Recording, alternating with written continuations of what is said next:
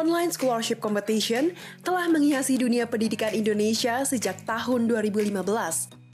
Perjalanan OSC dimulai dari lima perguruan tinggi swasta di Jakarta dan Tangerang, dengan memberikan 50 beasiswa full hingga lulus. Di tahun 2016, OSC bekerja sama dengan 10 kampus swasta di Indonesia. Dengan total pendaftar 28.000 peserta, 200 beasiswa diberikan kepada para pemenang OSC 2016. Peserta OSC selalu meningkat setiap tahunnya. Terhitung di tahun 2017, total pendaftar mencapai 42.000 yang bekerja sama dengan 12 kampus swasta unggulan. 240 beasiswa diberikan kepada putra-putri Indonesia. Lalu, di tahun 2018, OSC didukung oleh 18 perguruan tinggi swasta unggulan di Indonesia. Dengan total 360 beasiswa, OSC 2018 diikuti oleh 54.000 peserta. Kemudian, di tahun 2019, OSC bekerja sama dengan 21 perguruan tinggi swasta sebanyak 420 beasiswa resmi diberikan kepada para pelajar terbaik bangsa. Pada tahun 2020, sebanyak 440 beasiswa S1 dan S2 diraih oleh pemenang yang tersebar di seluruh Indonesia. OSC juga mendapat dukungan dari berbagai tokoh publik, serta bekerja sama dengan 19 perguruan tinggi swasta favorit OSC 2020 didukung oleh berbagai tokoh di Indonesia. Juga dihadiri oleh Menkominfo dan Meneristek pada OSC Virtual Award 2020. Tak hanya aktif dalam pemberian beasiswa, OSC melalui Surya Edukasi Bangsa Foundation juga memberikan bantuan biaya hidup selama dua semester kepada 100 pemenang beasiswa OSC terpilih. Sobat OSC, ada apa di OSC 2021? Ayo, daftarkan dirimu segera di osc.medcom.id. OSC, beasiswa untuk Indonesia. Nah, Jason dan juga pemirsa, memang setiap tahun peminat untuk beasiswa OSC ini selalu terus bertambah. Mm-hmm. Dan kabar baiknya seleksi beasiswa online scholarship competition atau OSC medcom.id ini akan dibuka mulai hari ini. Nah, pertanyaannya nih gadis, bagaimana ya cara mendaftarnya dan perguruan tinggi mana saja yang bisa dipilih? Kita akan ngobrol langsung dengan Head of Korkom medcom.id, Hervindo Satria Gading. Selamat pagi, Mas Selamat pagi. Iya, terima kasih Mas Vindo udah bergabung bersama kami. Tadi kalau kita membahas sedikit sudah ditayangkan juga ini sedikit soal OSC atau Online Scholarship Competition di tahun 2021 ini. Iya. Apa sih yang berbeda? Katanya ada uh, living cost-nya juga ditanggung. Apa nih Mas bedanya dengan tahun-tahun sebelumnya? Yang beda, tentu tahun ini kita siapkan 590 beasiswa S1 dan S2. Dan ada beberapa kampus baru dari kampus Sumatera dan Jakarta gitu. Dan yang untuk pemenangnya tidak hanya beasiswa, tapi kita juga siapkan tadi ada bantuan pendidikan, juga ada kesempatan magang sampai penyaluran ke dunia kerja. Hmm. Nah, hari ini kan akan dibuka nih mulai hmm. seleksi tahapan seleksi untuk beasiswa OSC. Tapi apa saja sih syaratnya untuk para peserta bisa mendaftar? Ya, hari ini nanti rencananya jam 1 kita akan launching nih OSC tahun 2021 ini syaratnya apa aja sih? Uh, gampang sih, tinggal cek aja di osc.medcom.id, uh -huh. lalu daftar di sana, uh, isi form. Tapi sebelum isi form, pelajari betul tuh uh, kampusnya apa aja sih yang diinginkan. Karena uh ada banyak kampus, pelajari dulu profilnya. Setelah dipelajari, daftar, baru setelah itu nanti ikutan tesnya. Oke, untuk kuota beasiswanya sendiri kan 590 ini juga untuk S1 dan S2 ya Mas, sekali lagi ya, tidak hanya untuk S1 juga. Tapi untuk jurusannya nih Mas, apakah hanya untuk jurusan-jurusan tertentu saja hmm. atau ini bebas nih setiap orang bisa pilih jurusan yang mereka mau?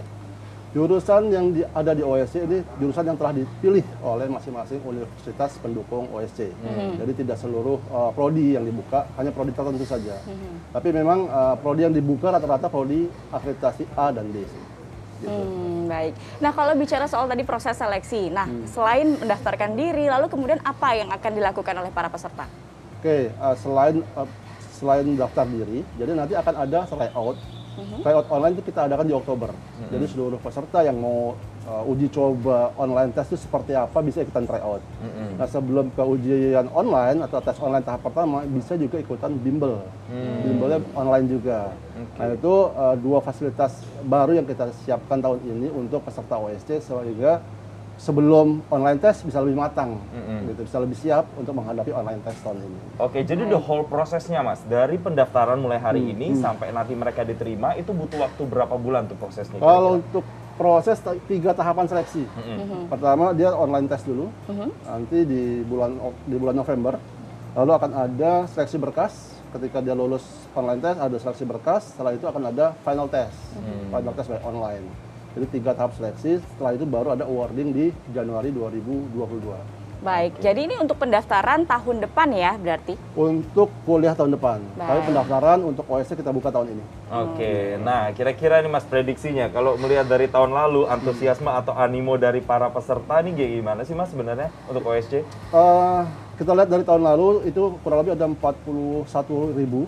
Kita berharap tahun ini bisa lebih dari itu karena eh, kan kita sama-sama tahu ya bahwa pandemi belum berakhir ya. Terus juga dampak pandemi ini kan ke mana-mana nih sampai ke pendidikan gitu. Nah dengan harapan OSC hadir di sini ya setidaknya kita membantu putra putri Indonesia yang ingin kuliah yang mungkin terdampak sama ekonomi ya coba jalur beasiswa ini lewat OSC. Gitu. Selain tadi disebutkan living cost atau eh, dan juga eh, biaya pendaftaran, apalagi yang akan mungkin didapatkan oleh para peserta beasiswa? Ya, eh, selain itu juga tadi ada eh, untuk peserta ya, untuk pemenang terbaik, dia, dia akan dapat beasiswa, bebas uang pangkal 100% itu, itu sudah pasti, terus bebas uang pang- uang semester selama 8 semester untuk yang S1 atau yang 4, 4 semester untuk S2. Lalu juga ada tabungan pendidikan Oh, ada tabungan untuk pendidikan. pemenang terbaik pertama dan kedua. Hmm. Wah. Oke, jadi nggak cuma beasiswa untuk pendidikannya saja ya, tapi Ya. ada juga eh, biaya-biaya lainnya juga yang diberikan atau benefit lainnya. Betul. Mas, kita ini juga pingin supaya orang-orang yang saat ini menyaksikan, mungkin orang tua murid yang ingin kasih tahu ke anaknya juga bisa terinspirasi dengan apa yang kita bagikan di online scholarship competition ini. Ternyata banyak kisah-kisah dari orang yang mungkin from zero to hero. Yes. Banyak orang yang mungkin dari aks- eh, lingkungan atau daerah yang aksesnya terbatas, kemudian ikut OSC dan akhirnya dia bisa lulus karena program ini. Bisa diceritakan nggak sih mas kisah-kisah seperti ini mas? Ya, banyak banget ya, banyak banget eh, kisah-kisah yang inspiratif gitu ya. Banyak sekali putra-putri Indonesia yang ternyata mereka datang dari berbagai pulau di Indonesia dan bahkan jaringan internetnya itu susah banget. Dia untuk ikutan online testnya kadang harus keluar dari dari dari rumahnya itu jauh sekali cari sinyal untuk ikutan online test. Karena kan online test biasanya adalah sinyal internet ya. Iya. Dan ini perjuangan mereka cukup cukup oke banget gitu. Terus terlebih tahun 2019 ya sampai di final itu kita adakan final kan di on- di satu tempat di Velodrome saat itu. Mereka datang dari Jayapura, dari Kalimantan, dari Sulawesi ke Jakarta untuk, untuk ikutan final test. Nah itu perjuangan luar, luar biasa. Sampai dia eh, bisa mendapatkan beasiswa ini gitu. Hmm. Jadi cukup panjang perjuangannya dan memang sangat inspiratif sih. Apa nih pesan-pesan dari Mas Vindo untuk teman-teman yang mau mendaftarkan untuk eh, beasiswa OSC ini? Ya, untuk uh, teman-teman ya, untuk teman-teman yang mungkin adik-adik yang mau ikutan beasiswa ini dan uh, ingin kuliah, tapi ya mungkin ada kendala atau mungkin ya ingin coba-coba kuliah, ini saatnya. Karena memang uh, kita buka di awal tahun ajaran mereka uh, sekolah, kita buka ini ikutan dulu karena OSC ini uniknya tidak peduli kalian ranking 1 atau ranking 30 di kelas. Yang penting punya niat untuk kuliah, coba ikutan ini karena seleksinya beda.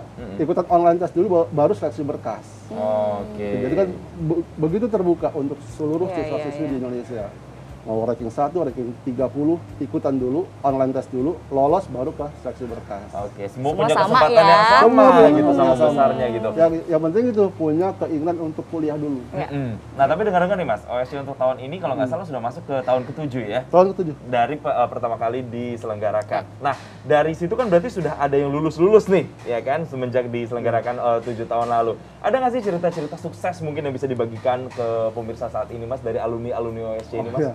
Ada beberapa sih, memang uh, sudah ada yang lulus dan mereka rata-rata indeks prestasinya cukup memuaskan. Bahkan ada yang sampai 4, tiga setengah gitu. Uh, tinggi banget ya. uh, sebelum lulus tuh ada yang udah ada yang mesen, udah ada yang, udah ada yang uh, kerja duluan gitu. Dan ini menurut kita cukup cukup apa, cukup menarik dan cukup inspiratif buat teman-teman semua sih yang mungkin saat ini mau ikutan OSC. Oh ternyata OSC itu memang ya sangat-sangat membantu untuk mereka gitu. Hmm. Baik, sangat inspiratif sekali. Semoga uh, banyak banyak peserta yang ikut bergabung di beasiswa OSC tahun ini ya, Mas. Mudah -mudahan. Sampai kapan, Mas, pendaftarannya? Uh, bisa diingatkan lagi ke pemirsa? Ya, uh, untuk pendaftaran OSC kita buka sampai 2 November tahun hmm. ini tahun 2021 hmm. dan setelah itu akan ada online test seleksi berkas sampai dengan uh, final test by online. Oke dan informasi lengkapnya bisa di mana nih mas? Kalau lagi boleh dikasih tahu. Untuk informasi lebih lengkap bisa klik di osc.netcom.id. Oke. Atau di follow Instagramnya hmm. dan sosmednya di beasiswa OSC. Siap. Wah ini informasinya sudah terbuka lebar jadi bagi anda ini yang baru-baru mau lulus ya, ya, nanti bisa langsung coba-coba untuk ikut cari beasiswa ya. ya. Nah terima kasih Mas Satria Gading, Head of Korkom.com.id sudah berbagi berbagi bersama kami di. Iya, selamat pagi Jason, Gadis dan juga pemirsa. Untuk saat ini di Kota Semarang memang melihat ekonominya sudah mulai terlihat sejak Semarang sendiri mengalami penurunan wilayah PPKM dari level 4 sampai saat ini di level 3. Ini artinya untuk di sejumlah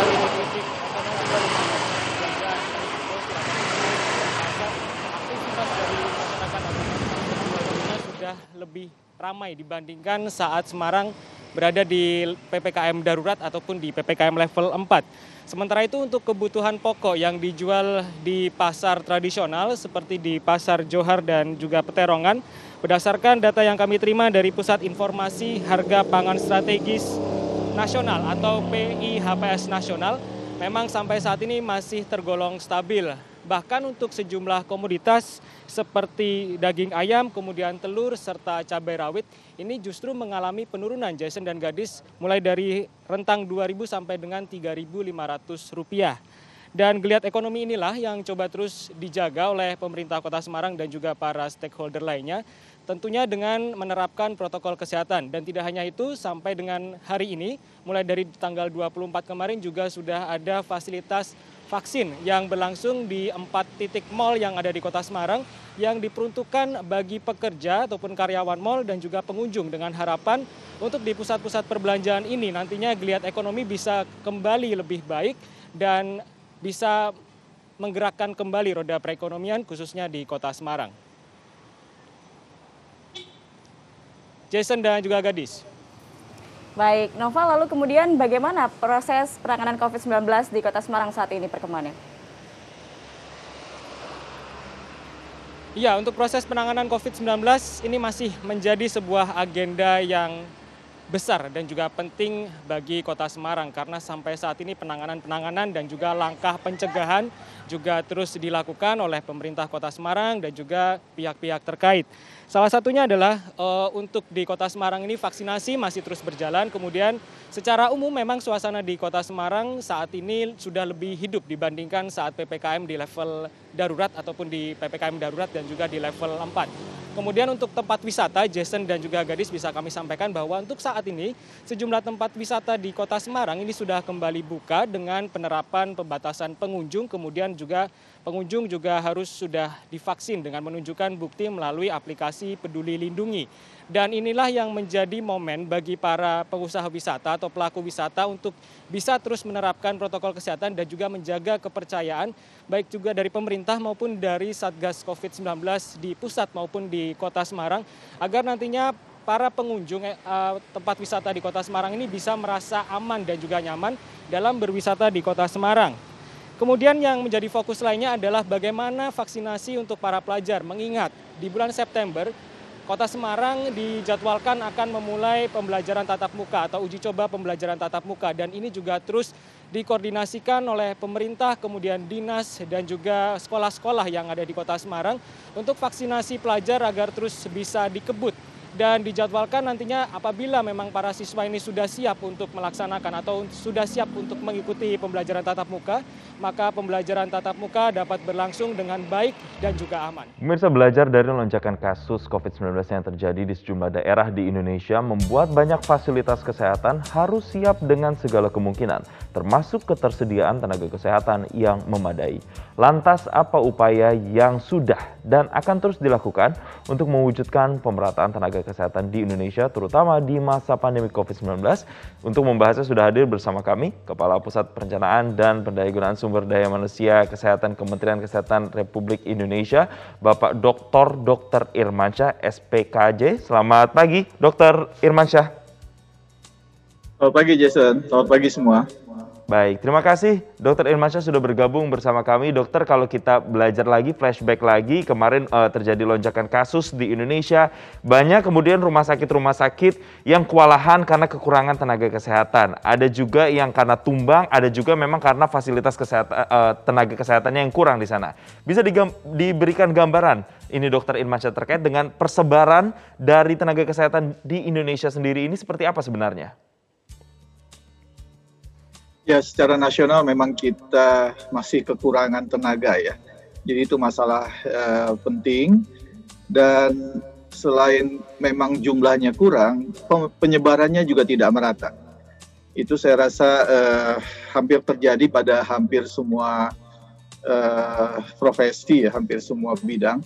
Hanya khasnya di khusus untuk layanan kesehatan itu yang membutuhkan memang bukan hanya di tempat-tempat Eh, kota-kota besar, tapi yang membutuhkan itu sampai pelosok dan masalah penyebaran itulah yang juga eh, apa, perlu kita perhatikan. Oke, dokter lantas kemudian apa upaya-upaya yang dilakukan agar pemenuhan atau pemerataan tenaga kesehatan di Indonesia, terutama di fasilitas-fasilitas pelayanan kesehatan ini bisa terpenuhi dengan maksimal? Untuk jangka pendek memang kita memiliki berbagai program. Program-program itu eh, yang sifatnya temporer, artinya kita identifikasi mana daerah yang kurang. Basisnya adalah puskesmas dan rumah sakit. Untuk puskesmas memang ada kurang lebih 30 persen puskesmas yang memang belum lengkap lah eh, apa uh, jenis tenaga tenaga kesehatannya. Untuk puskesmas seperti ini kita kirimkan tenaga yang kita sebut Nusantara Sehat, baik tim maupun individu. Uh, mereka uh, kita rekrut uh, dengan standar-standar yang terbaik dan kemudian kita beri pendidikan, kita lakukan uh, tambahan-tambahan pengetahuan untuk siap bekerja di daerah-daerah terpencil ini adalah sembilan jenis nakes yang kita berdayakan untuk bertugas di puskesmas daerah terpencil dan uh, kepul uh, sangat terpencil, kepulauan, perbatasan seperti itu. Sementara untuk rumah sakit yang, yang juga banyak tersebar di daerah, terutama di kabupaten kota kabupaten kota yang uh, cukup jauh dari uh, ibu kota provinsi, kita juga uh, mengirimkan uh, apa dokter-dokter, terutama dokter-dokter spesialis dasar sehingga layanan kesehatan untuk uh, tingkat rumah sakit sebagai layanan kesehatan rujukan itu bisa terpenuhi. Jadi ada dua hal itu yang yang uh, secara terus-menerus kita lakukan sehingga mereka bergantian dan kita penuhi itu dengan uh, dua program itu.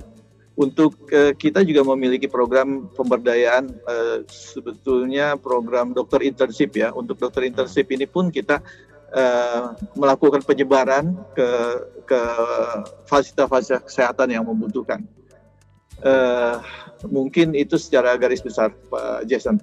Ya, tapi dokter kalau kita juga tahu sebenarnya pemerintah juga punya program Nusantara Sehat menyebar tenaga-tenaga kesehatan untuk kemudian ke pelosok-pelosok memberikan pelayanan kesehatan bagi warga yang ada di sana. Bisa dijelaskan ini sejauh uh, ya, sejauh betul. ini bagaimana progres dan juga pergerakan pelayanan kesehatan yang dilakukan melalui program Nusantara Sehat ini, Dokter Irmansyah?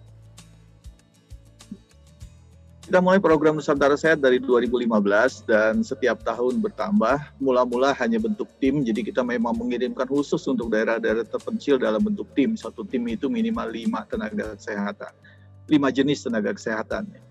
Uh, kita tahu ada sembilan sebetulnya tenaga kesehatan yang harus uh, yang uh, untuk memenuhi standar kesehatan di puskesmas, dokter, perawat, bidan, tenaga gizi, sanitarian, uh, tenaga apoteker, tenaga uh, apa laboratorium, uh, dokter gigi juga ya. Ada sembilan jenis itu yang yang kita dorong termasuk gizi juga ya kita dorong untuk ada di atau kita wajibkan ada di puskesmas.